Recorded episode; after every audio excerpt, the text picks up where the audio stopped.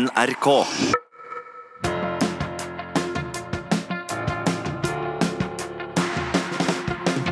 Sjakksnakk med Askild Bryn og Odin Blikra-Vea.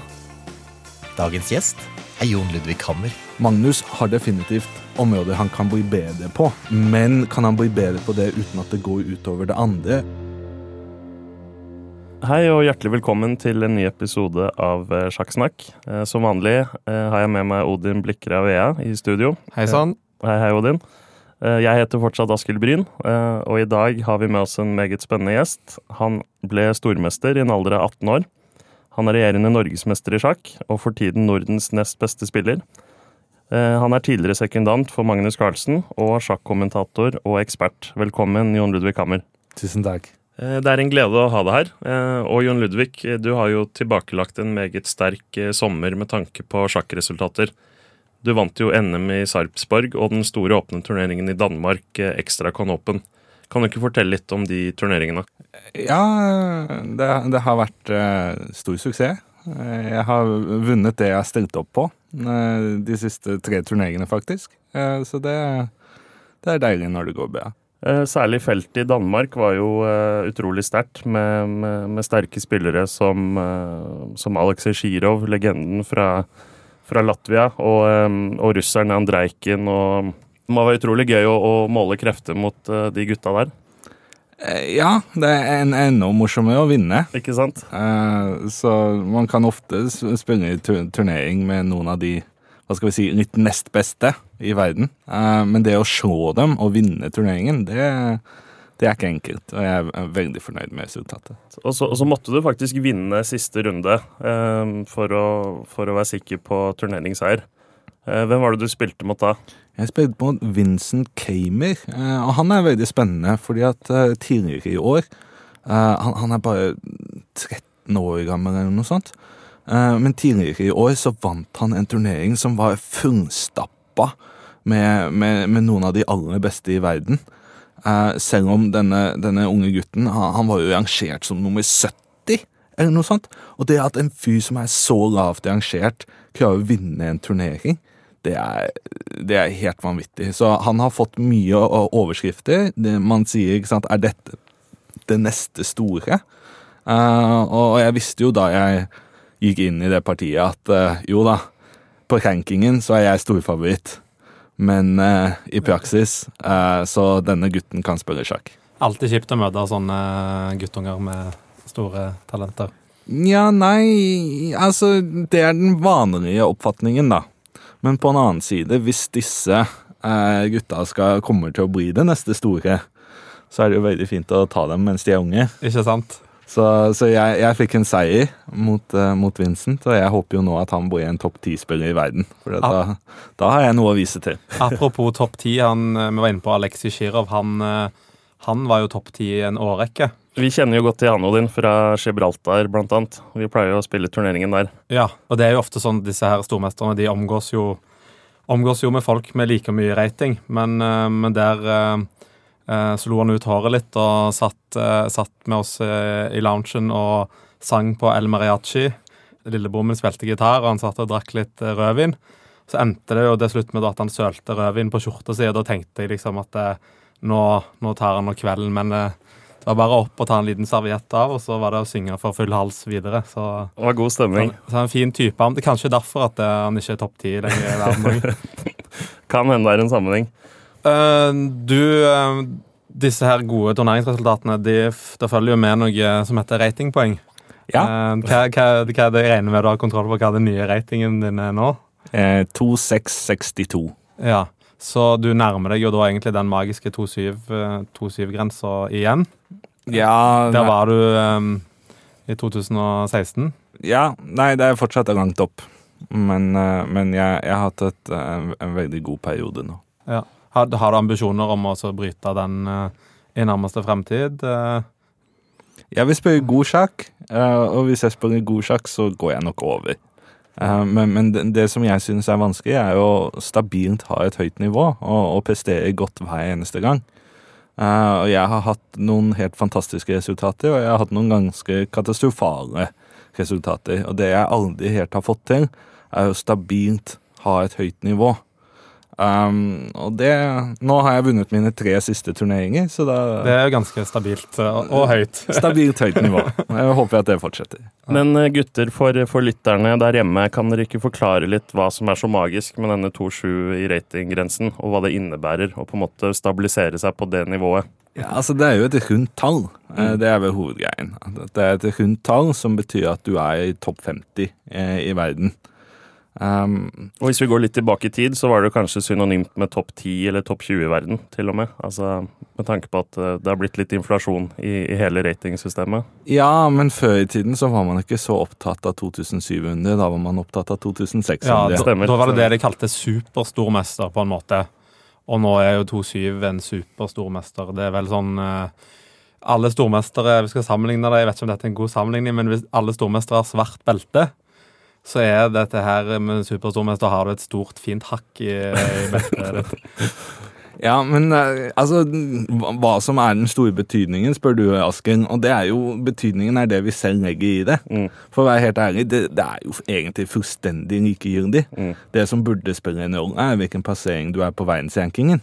For at det vil jo da holde seg eh, uavhengig av hvordan ratingen forandrer seg over tid. Som du nevner, så har det gått litt inflasjon. Antall eh, spillere over 2700 har mer enn doblet seg eh, de siste 30 årene. Eh, så det betyr jo egentlig ikke så mye. Eh, det er jo egentlig hvilken plass du er på verdensrankingen.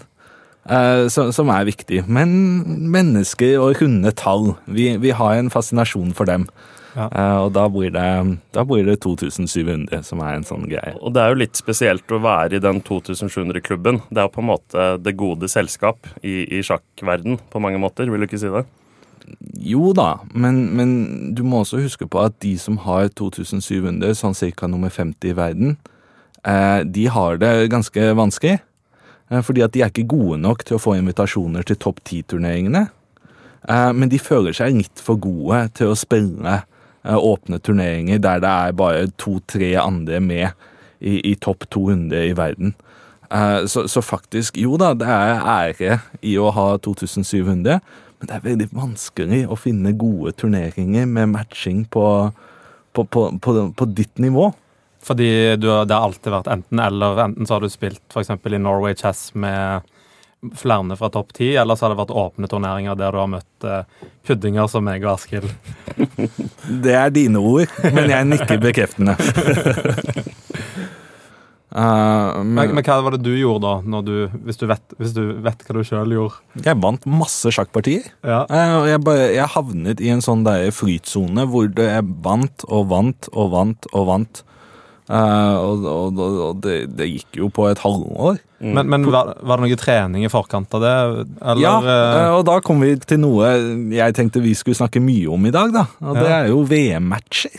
Mm. Uh, fordi at det jeg hadde uh, før, denne, før den oppsvingen, var at jeg, jeg hadde vært med på to, to VM-matcher som en del av Magnus sitt team. som en sekundant for, eh, for Magnus Carlsen. Ja. Og det er jo egentlig bare sjakktrening i høygir.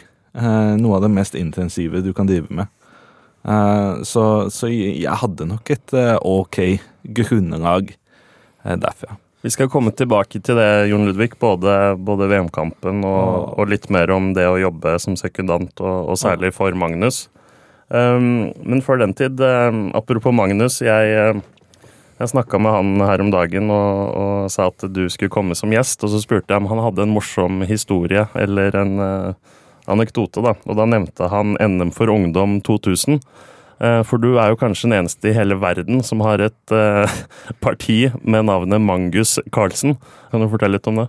Eh, første gang jeg møtte Magnus, det var omtrent november eh, 2000. Eh, Magnus hadde nettopp spilt en fantastisk turnering i, i Tyskland. Og fantastisk, det er jo etter definisjonen av hva vi som en niåring kan beskrives som fantastisk. Men det var norsk mesternivå. Uh, og så skulle vi da spille NM uh, U11. Uh, Magnus, den store favoritten. Eh, Jon Udvik, som ingen hadde hørt om. Um, og vi, vi spilte mot hverandre, da. eh, etter å ha tatt noe sånt som fem strake seire hver. og jeg vant partiet, eh, men eh, feilstavet navnet på min motstander. Så jeg har et noteringsskjema hjemme liggende. Men for en, en ni-tiåring så er altså, det er vanskelig å stave. Ja, det er det. Det er klart. Men har du, har du ramma inn det, det noteringsskjemaet, eller er det gjemt vekk i en pappeske? Nei, den, eh, den eh, er fotokopiert. Gjemt bort, men eh, laget til evigheten på, Trygt- trygt sted. på elektronisk eh, materiale. Det er, det er godt å høre. Um, og Simen Agdestein var gjest her, og, i likhet med både meg og Odin, men eh, Magnus også, så har jo du gått på NTG. Um, og, og var jo en del av en, en sterk generasjon. Uh, kan du ikke fortelle litt om, om årene der, og om, eh, om uh, hvordan du utviklet deg? Ja, Norges toppidrettsgymnas er jo Det var veldig, et veldig viktig tilbud å ha. Fordi at det å, å dra rundt på sjakkturneringer i, eh, i det hele tatt bare sånn fi- fire-fem ganger i løpet av skoleåret, eh, det ville vært vanskelig å eh, kombinere med fraværsgrenser og andre hensyn på, på en vanlig videregående skole. Så allerede da jeg gikk i 9. klasse, så var jeg fullstendig bestemt på at NTG, der skal jeg gå. Og og det, det var en suksess for meg. Ja, for du gikk jo sammen med Magnus òg. Jeg vet ikke hvor mye han faktisk var på skolen i den perioden, men det må jo ha vært eh, Opplevde du et rivaleri, eller at eh, dere var kompiser som bygde hverandre opp, og at du dro nytte av å, å være student sammen, samtidig som han? Eh, Da, da jeg var liten, sånn 11-12-13, eh, så trodde jeg jo vi var rivaler. Og det er umåtelig frustrerende å drive og sammenligne seg selv med det, det, det største mysteriet sjakken har, har sett eh, siden Bobby Fischer. Eh, så, så etter hvert, når jeg ble litt eldre, startet på NTG, så begynte jeg å skjønne det at eh, denne her gutten som er nummer topp 20 i verden i en alder av 16-17 år, du skal ikke sammenligne deg med han. Du skal lære av han, du skal høre hva han har å si, eh, og så skal du prøve å gjøre det samme. Eh, og jeg, føler egentlig at min, min spillestil i, i stor grad eh, handler om å herme etter Magnus. Mm. Og det funker veldig bra. Det, det, har, det har funket veldig fint for meg. Eh, så man, tydeligvis så kommer man ganske langt eh, ved å herme etter Magnus. Så du opplevde at da, da du kanskje begynte på NTG, eh, 15-16-årsalderen, at du, du lot deg inspirere mer enn å la deg irritere over at han faktisk var eh, på et eh, høyere nivå, da? Ja. Eh, og og ja, ikke, ikke bare inspirere Altså, det, det bare var så Det var jo Magnus, ikke sant? Jeg har kjent Magnus siden vi var ti år gamle. Og så kommer han inn i klasserommet etter å ha vært en tur i Mexico. Eh, og driver og viser sitt parti mot eh, Judith Polgar, som, som er ikke sant, den beste kvinnelige spilleren gjennom tidene og definitivt topp 20 i verden. Eh, og, og så viser han at ja, her tenkte jeg det, og her tenkte jeg det, og jeg tenker at ja, det var jo ikke så spesielt, det var jo ikke så spesielt. Og så ender han opp med å vinne partiet. mm. Og så bare tenker du at Hvis han kan altså det der, Jeg kan spørre sånn. altså Det der så ikke så vanskelig ut. Eh, det er noe med at eh, du, du har en som bryter barrierene og ufarliggjør eh, de aller beste. Men hender det at du tenker, ikke sant, hadde det ikke vært for Magnus, så hadde du blitt sett på som kanskje tidenes største norske sjakktalent? Å nei, nei, nei. Nummer én, altså jeg kan ikke måle meg med Simen. Uh, men nummer to, det er så mange muligheter jeg har fått fordi Magnus eksisterer, eh, som jeg ikke ellers ville fått. Mm, Så jeg er ikke engang sikker på om jeg hadde vært bedre. Altså Ja, jeg kunne kanskje vært nummer én i Norden, Mm. fordi jeg er det nå. Men på den Mm. annen side hadde jeg vært nummer to i Norden nå, hvis det ikke hadde vært for Magnus. Hvis jeg ikke hadde hatt noen erfaring fra VM-matcher. Det, det er noen sånne ting også. Det er, det er en erfaring jeg har fått uh, ved å være tett på Magnus, som andre ikke har. Eh, og, og som gir meg et konkurransefortrinn. Så jeg, jeg er ikke jeg, tror jeg er en bedre spiller i dag fordi Magnus eh, er norsk Mm. eh, enn en omvendt. Og Odin, du husker jo Simen snakket jo litt om dette, at han, han opplevde at det var så ensomt i sjakkmiljøet på, på 80-90-tallet, da, han- da han slo gjennom. Han skulle ønske at han hadde hatt mer både støtteapparat, men òg andre som, som var gode, ikke sant, og få den drahjelpen. Um, Og i så måte så har jo både du, Jon Ludvig, men også de, eh, de litt yngre, sånn som Johan Sebastian Christiansen, Ariantari, Johan Salomon, de har jo virkelig et miljø og et kameratskap. De kan reise rundt sammen og trene sammen. Og, Ja, og det er veldig interessant at du nevner det, fordi at um, da jeg var uh, ung eh, Altså, jeg var jo det store. Etter Magnus så var jeg det store. Eh, men hvis du sammenligner nå eh, nivået mitt i 11-12-13-årsalderen sammenlignet med de unge gutta nå Altså, De er jo foran meg, hele gjengen. Ja. Eh, men det er jo jeg egentlig ganske stolt av. Altså, Jeg hadde den der monsterutviklingen på NTG. Og det er det ingen, unntatt Arian eh, som har klart å kopiere. Mm. Så ja, de gutta er, de er flere, og de er bedre enn de var i før i tiden. Eh, men, eh, men mine år på NTG med Magnus, med Simen, gjør at jeg fortsatt er det lille hestehodet foran. eh, men, men du sier jo, ikke sant, du hadde ikke blitt så god hadde det ikke vært for Magnus. Men samtidig så, så må du ha opplevd at du var litt i skyggen med tanke på oppmerksomhet og kanskje muligheter til å, å, å få vise deg fram, både i norsk målestokk, men også i internasjonale turneringer og, og, og oppmerksomhet, ikke minst. Um, kanskje, eh, men det er ikke noe jeg husker nå, ti år senere. Um, altså, hvem ville brydd seg om en fyr som var nummer eh, junior, rangert som nummer 20 i verden, i, i et spill som ingen var interessert i? Jeg, jeg føler ikke at jeg har, har gått glipp av noen muligheter, fordi at det var Magnus som i det hele tatt gjorde Norge oppmerksom Mm. på at sjakk var en greie. Uh, og det nivået jeg hadde, ville ikke vært nok til, å, til å sette sjakk på kartet. Og du nevnte det jo, ikke sant? Eh, Du kalte han for Mysteriemannen, eller eh, Og jeg har jo hørt altså, at sjakkspillere som Bobby Fischer, som Magnus Carlsen, de blir født ca. hvert 50. år. Én person hvert 50. år. Eh, Da snakker vi hele verden. Tror du det kan stemme?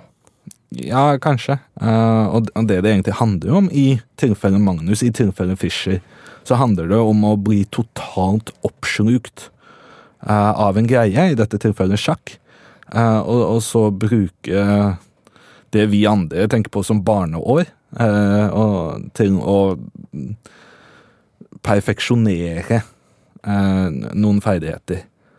Eh, og Magnus er ikke den mest arbeidsomme eh, generelt, men den, den innsatsen han la inn som 9, 10, 11, 12, 13-åring Ikke sant? eh, Innsats han tenkte ikke på som arbeid engang. Det er noe av fordelen her. ikke sant? Mm. Han gjorde det han hadde lyst til. Og det han hadde lyst til, var å studere gamle sjakkmestere og, og, og sjakk generelt. Eh, og det har han fått så godt betalt for at eh, For det, det var vel eh, Simen Agdestein var inne på det når han var gjest her, at, eh, at eh, han Magnus har på en måte ennå mye å gå på. Han, han er per i dag verdens beste sjakkspiller, men han har fremfor alt veldig stort potensial i forhold til at han kan kanskje jobbe enda mer med sjakk. Og hvis han gjør det, så vil han bli enda bedre. Vet ikke, Ja, du- men det er ikke nødvendigvis sant, vil jeg påstå. Altså, Magnus har, er god på, på, på sin måte. Og så hver gang du driver og tenker at nå må han endre måten han Den innfallsvinkelen han har til sjakk på.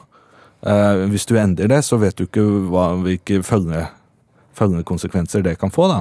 Mm. Eh, så, så jeg ville vært litt forsiktig med å så bastant eh, si at Magnus Magnus har definitivt områder han kan bli bedre på. Eh, men kan han bli bedre på det uten at det går utover det andre? Uten at det går utover lekenheten, eh, psyken, sånne ting? Mhm. Eh, energien han har ved brettet? Det vet jeg ikke. Nei, for meg, når vi er inne på det, du, som du sa, du har jo jobba tett sammen i to, to VM-kamper. Så du, du vet jo mye om både styrker og svakheter ved hans spill. Men kan, kan du fortelle litt mer om hvordan det er å jobbe for han som, som person? første VM-matchen, eh, så um, Ofte så er det sånn at i et sekundantteam så har du en som er sjef. eh, og så har du en som, en som styrer troppene, eh, og så har du et, et par sekundanter som, som er en del av teamet. Eh, og, og første, første året så, så kom Magnus eh, til meg, litt ut av det blå, og spurte har du lyst til å være en del av teamet.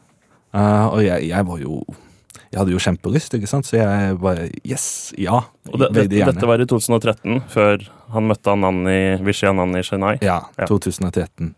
Eh, Rett etter den første utgaven av Norway Chess, hvor jeg hadde gjort et helt katastrofalt resultat. Uh, så da kom jo dette da, litt, eh, noen uker senere som et lite plaster på såret. Og jeg tenkte ja, jeg vil gjerne være læregutt i en VM-match. Det høres helt fantastisk ut. Men, men så i løpet av den samtalen vi har da, så kommer det frem at nei, nei, læregutt, nei, det skal du ikke være. Du skal være sjefen. Såpass, ja. Eh, Du skal være den som eh, koordinerer de andre sekundantene, og, og som melder videre eh, til meg. Det var litt av en tillitserklæring, da. Ja, Foran, foran den første VM-matchen og i det hele tatt. Det ja har vært ganske det, stort. det var det. Men eh, ja, det- snakk om å kaste en, en ikke-svømmer ut på, På dypet. på dypet. Uh, så da det, det var jo ja, uventet, uh, og det var vanskelig.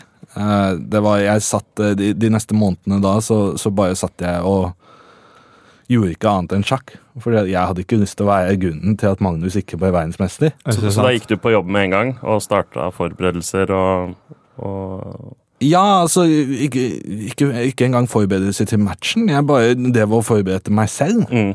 Eh, Fordi jeg følte at jeg, jeg er ikke klar til å være en hovedsekundant. Jeg må, jeg må, jeg må lære mer.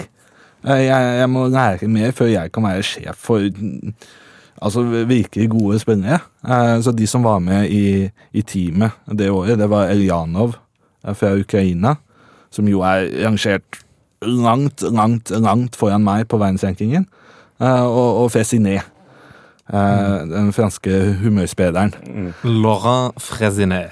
Ja, jeg får kjeft hver gang jeg prøver å uttale det på fransk. um, eh, og, og av de, av oss tre, så var jo jeg den dårligste sjakkspilleren. Så, så, så jeg følte jo rett og slett bare at jeg måtte bli bedre. Mm. Eh, Forstå mer av åpninger og trekkerekkefølger og nyanser. Som gjorde at jeg kunne ha en samtale med disse og henge med. Mm, Jeg var redd for å være sjefen og ikke henge med når de snakket.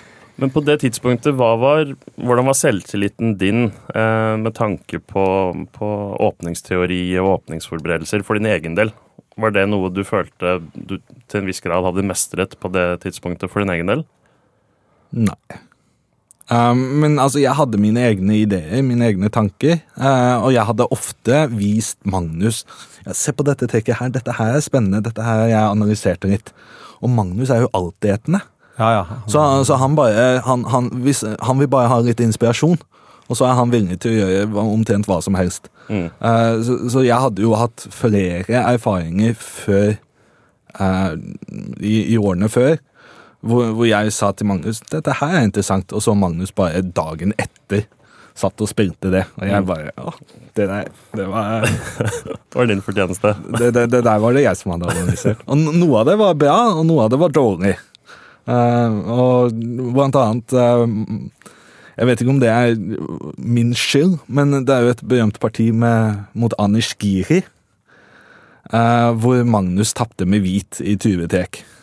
Og det er jo en av få spillere Magnus har en forholdsvis dårlig score Altså, mot. han, han hadde negativ score mot uh, Anish veldig lenge pga. dette ene partiet. Uh, For de har vel én seier hver nå, og så masse remier innbyrdes, tror jeg. Ja, noe sant. Og Ja. Magnus har nylig utlignet den scoren. Ja. Um, men dette var første partiet de spilte, så vidt jeg husker, og Magnus tapte I 20 trekk, var det du sa? mot denne ypringen. Eh, fire år yngre. Ja, 20 trekk med hvit. Wow, det er Ja, det, var, ja, det var et dronningtrekk som jeg hadde vist til Magnus. Det var ikke helt i den situasjonen, uh, men det var det var omtrent helt identisk med, med noe jeg hadde vist han. Uh, og det Noen ganger gikk det bra, noen ganger gikk det dårlig. Mm. Uh, men Magnus var villig til å prøve nye ting hele tiden. Men, eh, men fortell litt mer om, eh, om Chennai og forberedelsene både inn mot matchen, og så etter hvert kan vi snakke også litt om, om hva du faktisk gjorde underveis i matchen. Eh, men hvordan var inngangen til teamet inn mot første VM-match i Chennai? Um, ja, teamet, det var jo Eljanov Fesiné. Uh, og, Og du var sjef? og meg som koordinator, foretrekker jeg egentlig Ok, å, å kalle det. Um, det er to forskjellige faser. Det er før matchen, og så er det under matchen. Mm. Og de to forskjellige fasene de har helt ulik dynamikk. Uh, Så før matchen så prøver du å forutse hva er det uh, Annan kommer til å gjøre. Uh, Det det er litt mer sånn der Hva er det vi ønsker å få til? Hvordan kan vi hindre at han får til sine forberedelser? Det er, det er litt mer sånn tankespill da, og kvalifisert gjetning. Ja, Dere må rett og slett spå hva dere tror kommer til å være åpningstrekkene. Ja. Så, så det er en fase før matchen, og så er det underveis i matchen. Og underveis så er det jo bare brute force. der. er bare OK, han har planlagt dette, han har planlagt dette, han har planlagt dette. Det hadde vi ikke forutsett. Da må vi sitte her og virkelig gjennomarbeide dette her, fordi at det har vi ikke gjort på forhånd. Her har vi bommet. Uh, og sånn er det alltid. Noen ganger bommer du, og noen ganger så treffer du. Uh, og, og derfor er det viktig å gjøre et bra forarbeid, men du vil aldri klare å forutse alt som kommer til å skje. Det vil alltid være noen småfeil i analysene du har, som du må eh, forbedre eh, underveis i, i, i matchen. Så, så det første partiet, andre partiet starter opp, så, så, får, så får bare vår rolle som, som hjelpere en, Den blir helt forandret. Uh, og det blir, går fra gjetting til å bli veldig konkret. Denne åpningen har vi problemer, denne har vi problemer. Det er så mye problemer i løpet av en VM-match at uh, heldigvis så kan det bare skje ett problem på bettet i hvert parti. Men nå gikk det, jo, gikk det jo veldig bra til slutt i, i Chennai, eh, og du har fått masse ros eh, av Magnus og av andre i ettertid for arbeidet du gjorde. Eh, men, men eh, ble dere tatt på sengen innledningsvis i de første rundene, eller gikk det etter planen for dere i teamet? Du kan ikke gå inn i en VM-match uten å gjøre feil. Det, det nekter jeg å tro, altså. Og det var flere ting vi, vi gjorde feil, men særlig i starten. Uh, fordi at i starten, det startet jo med at Magnus, med de hvite brikkene, uh, spilte en EMI på 18 trekk. Stemmer. Uh, Great var success. Det var vel det, det, var, det var delvis på vår kappe. mm. Og det var vel fire innledende remier, var det ikke det, i 2013? Og så Og så fem. begynte Magnus. Ja, så begynte han å spille skikkelig bra. Så da må det ha skjedd noe der, eh, tenker jeg. Midtveis i, eller mot midtveis i kampen. At eh, både spillet og kanskje forberedelsene satt enda bedre. Eh, svaret på det er nei. Men, eh, men det som er så takknemlig med å, å være sekundant for Magnus, det er at han er verdens beste spiller. Alle vet det. Alle vet at eh, hvis han bare får spille på likt grunnlag med motstanderen, så, så vil han vinne en match som regel. Eh, og likt grunnlag med det så mener jeg at eh, begge må tenke selv. Så, så vår rolle som sekundanter for Magnus er å hindre at han taper i åpningen. Mm. Eh, Så vi skal For, for sekundanter for Anand så er oppgaven Anand skal få en god stilling hvor han står best og presser. Mm. Eh, Vår oppgave for Magnus det er bare ja, få noe spennende hvor han må tenke selv. Hvor, hvor, altså med svart så er oppgaven overlev åpningen. Med hvit så er oppgaven få, få noe spennende. Uh, og det er veldig mye enklere å få til enn eh, enn en det å finne objektivt gode ting i masse forskjellige åpningsvarianter. Men uh, før vi skal, uh, skal runde av med VM-kampen, Ludvig, så, så hadde vi lyst til å høre litt med deg om, um, om hvordan det er å, uh, å leve av sjakken. Altså hvordan du jobber med sjakken. Og jeg har fulgt med mye Du, du jobber jo mye med å lage streams på twitch.com, er det det heter? TV. Og kan du ikke fortelle litt om det, blant annet? Altså hva Twitch er, og altså, er det plass til sjakk i e-sportverden? Ser du for deg at det kan bli en, en ny arena for, eh, for sterke spillere å, spille og vise seg fram på? Eh, ja, jeg tror det. eh, fordi at Chess.com har en, en veldig konkret satsing og samarbeid med Twitch. Eh, Twitch er sammen med YouTube de to største innenfor streaming. Eller jeg, jeg pleier å kalle det som sånn TV, en TV-kanal for én person. Eh, ikke sant? At jeg er produsent, eh, regi, eh, eh, programleder, alt sammen samtidig. Det, har jeg begynt med. Jeg begynte med det nå i de desember. Eh, og eh, trives ganske godt med det. Eh, så, så som en Når du driver med sjakk på heltid, så kan du ikke, med mindre du er like god som Magnus, så kan du ikke kun være sjakkspiller. Mm, ikke sant? Eh, Du må, du må ha fem forskjellige hatter Mm. eh, for å fylle en årslønn. Eh, og da Jeg er sjakkspiller, jeg er sjakkstreamer, eh, jeg er sjakkommentator. eh, og jeg, jeg har bra med hatter, da. Men apropos det, hva er det som genererer inntekten når du, når du streamer sjakk? Det er jo veldig interessant, for det er jo en helt ny kultur. Og det er jo en kultur jeg ikke har vært vant med, som jeg har slitt med å på en måte bli en del av. Eh, fordi at eh, på, på Twitch så er det sånn at man kan abonnere eh, på folk og betale fem dollar i måneden Ah. for å støtte Mm. eh, den som streamer. Eh, og, og det bare Det bare et kulturkrasj der for meg. For jeg tenker jo at ja, men hvis de skal betale, så må jeg ha noe å tilby dem unikt. Mm. Men etter hvert så har jeg jo funnet ut at det er ikke helt sånn det gjøres på Twitch. Altså På Twitch så, så betaler man hvis man ønsker å støtte. Så rett og slett fans av deg, da, som ønsker at du skal fortsette å ha streams og, og være aktiv, Ja, Der. ja.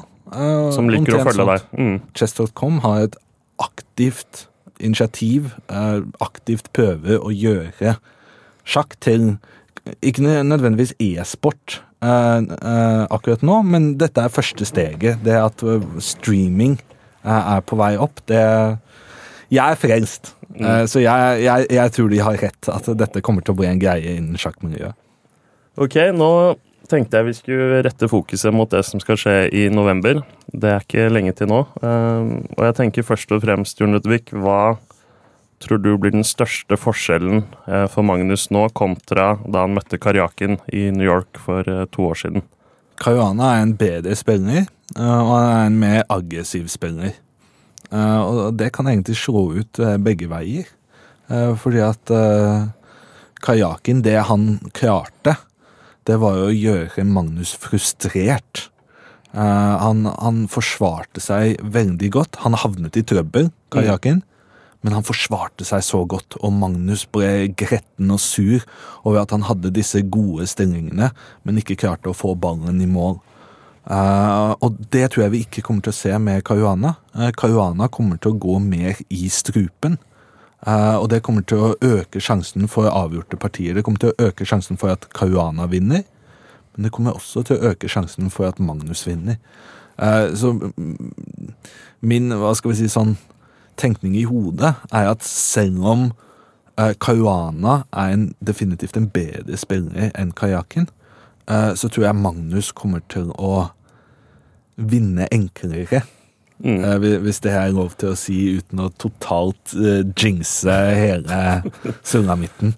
Fordi at uh, Caruana kommer til å vinne et parti i løpet av matchen. Men jeg tror Magnus kommer også til å vinne et, et, et, en, go- en god del partier. Eh, og noe han ikke klarte mot uh, kajakken. Mm. Men du har, jo, eh, du har jo selv møtt eh, Caruana. Du har slått han i lynsjakk eh, i Norway Chess og, og møtt han i hovedturneringen. Men er det noen ekstra hensyn Magnus må, må ta nå, når det er han som er motstander? Altså, han må vinne flere partier enn motstanderen, eh, og det, det vil alltid være vanskelig.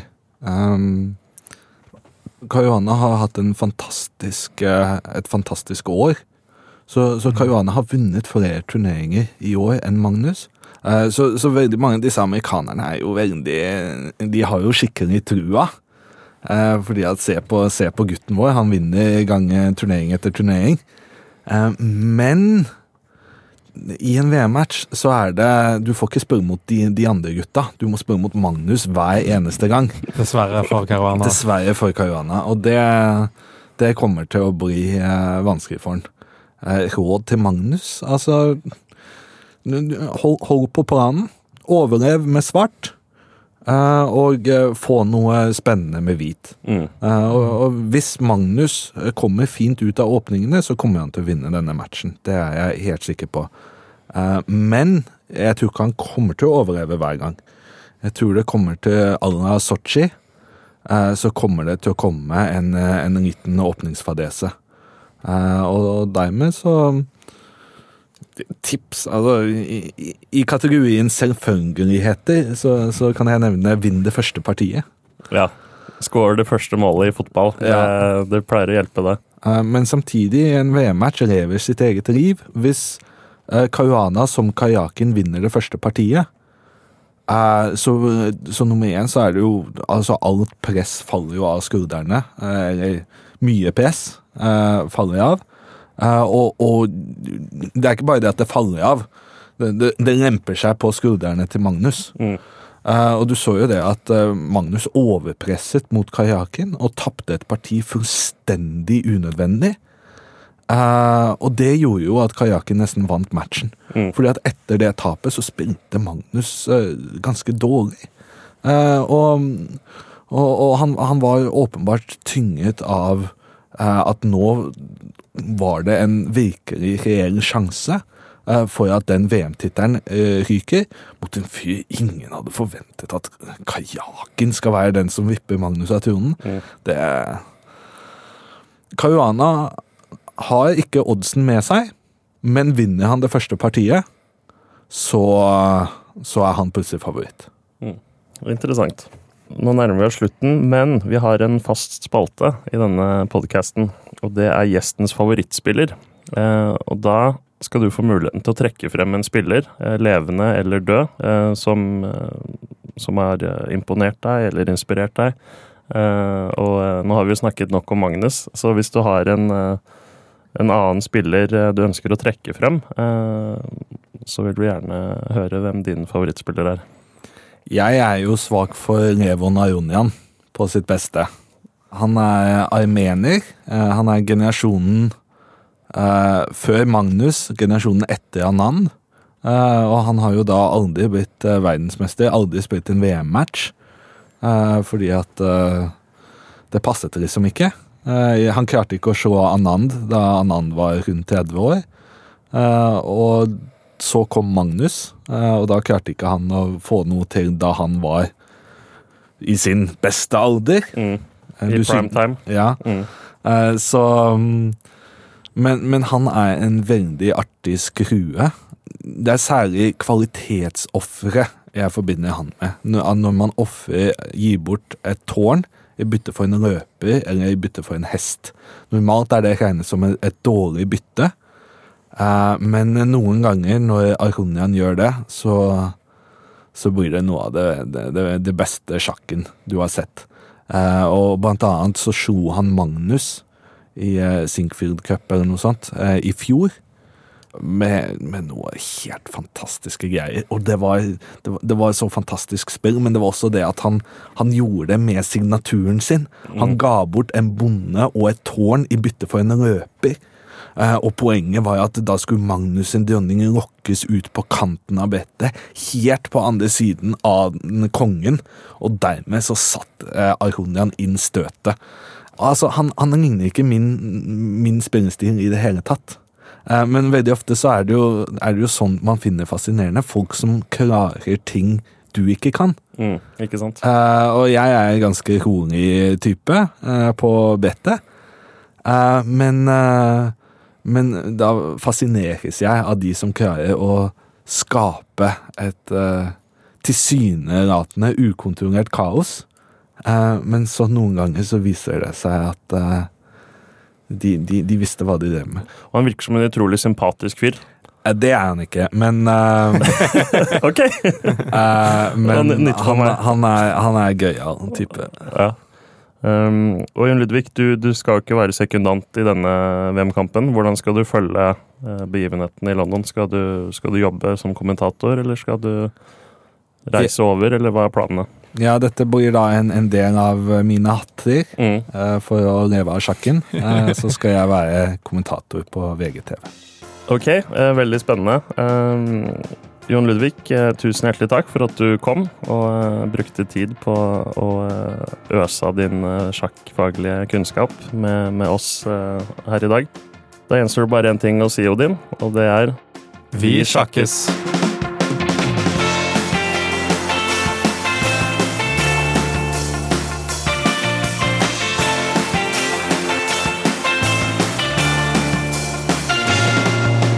Sjakksnakk lages for NRK av Askild Bryn, Odin Blikravea og Sindre Leganger. Vil du vite mer om det som ble nevnt i episoden, så sjekk nrk.no sjakk. Gjester i neste episode er Ellen Karlsen og Heidi Rønneid. Jeg har gjort helt drøye ting i raseri etter å ha tapt et partisjakk eller tapt noe annet. Så det er Hva, helt hva da? Hege?